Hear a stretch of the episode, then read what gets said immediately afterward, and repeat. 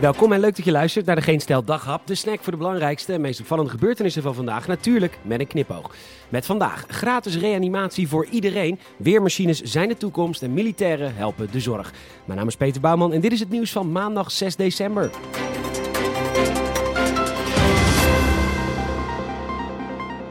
De Hartstichting is blij. Het is zelfs een mijlpaal. Want in heel Nederland kan iemand binnen zes minuten worden gereanimeerd. Dat komt door de toename van het aantal burgerhulpverleners, al dus de NOS. 245.000 hulpverleners, 24 AED's. Een absoluut succesverhaal.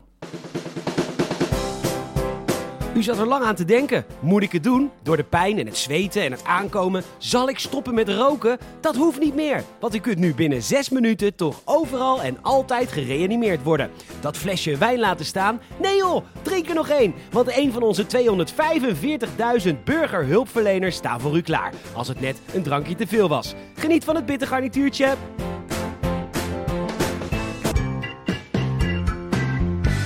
De toekomst is nu. Qatar is ermee bezig, Rusland ook. En China investeerde 1,34 miljard in weermanipulatie. Tijdens de 100ste verjaardag van de Communistische Partij werd een goedje de lucht ingeschoten om te zorgen dat het niet ging regenen. En net daarvoor werd met een ander goedje regen opgewekt, waardoor luchtvervuiling verminderde in de stad. Volgens de T wil China het weer ook gaan aanpassen bij de Olympische Spelen. Zal het zo zijn dat we de opwarming van de aarde kunnen stoppen met weermanipulatie door bijvoorbeeld goor woord. Wolkmelken bijvoorbeeld. Wolken laten ontstaan om zo de zon tegen te houden. China denkt dat dit een oplossing kan zijn en andere landen slaan al doodsangsten uit. In Taiwan verdenken ze China van regendiefstal. India is bang dat China de moesson wil aanpassen, zodat er in India minder geoogst kan worden. Want het weer houdt zich net als corona niet aan de landsgrenzen. Hij wordt op dit moment in Nederland ge-3D-print, een zelfmoordmachine. Hij is bedacht in Zwitserland en het is enorm luguber, maar stel je wilt dood. Of nou ja, daar denk je eerst even over na. Een gesprekje met 113 zelfmoordpreventie en zo. Wijntje en dan, ja, je wil nog steeds dood. Nou, dan ga je dus in die machine liggen, waar je maar wilt. Want de machine is verplaatsbaar. Dus je kunt op een bootje in de Rijn gaan liggen. Of in een weiland. Of op de middenstip van de Kuip. Nou, dat lijkt me toch zo'n mooie plek om te sterven. Nou, en dan ga je in dat ding liggen. Je drukt zelf op de sterfknop.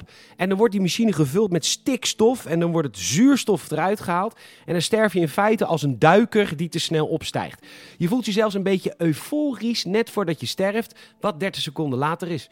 De machine is goedgekeurd voor de Zwitserse markt. En de Sarco Suicide Pod is daar in 2022 te gebruiken. Dat u het weet.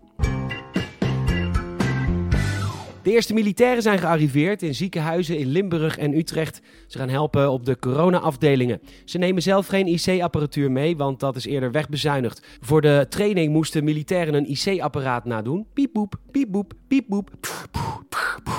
De militairen dragen geen camouflagekleding. Er staan nogal veel planten in het UMC in Utrecht en dan raken we ze kwijt. Dus gewoon witte kleding. Overigens worden er op andere plekken ook militairen ingezet. Zo weet RTV Utrecht. Ze helpen bijvoorbeeld met het zetten van boosterprikken.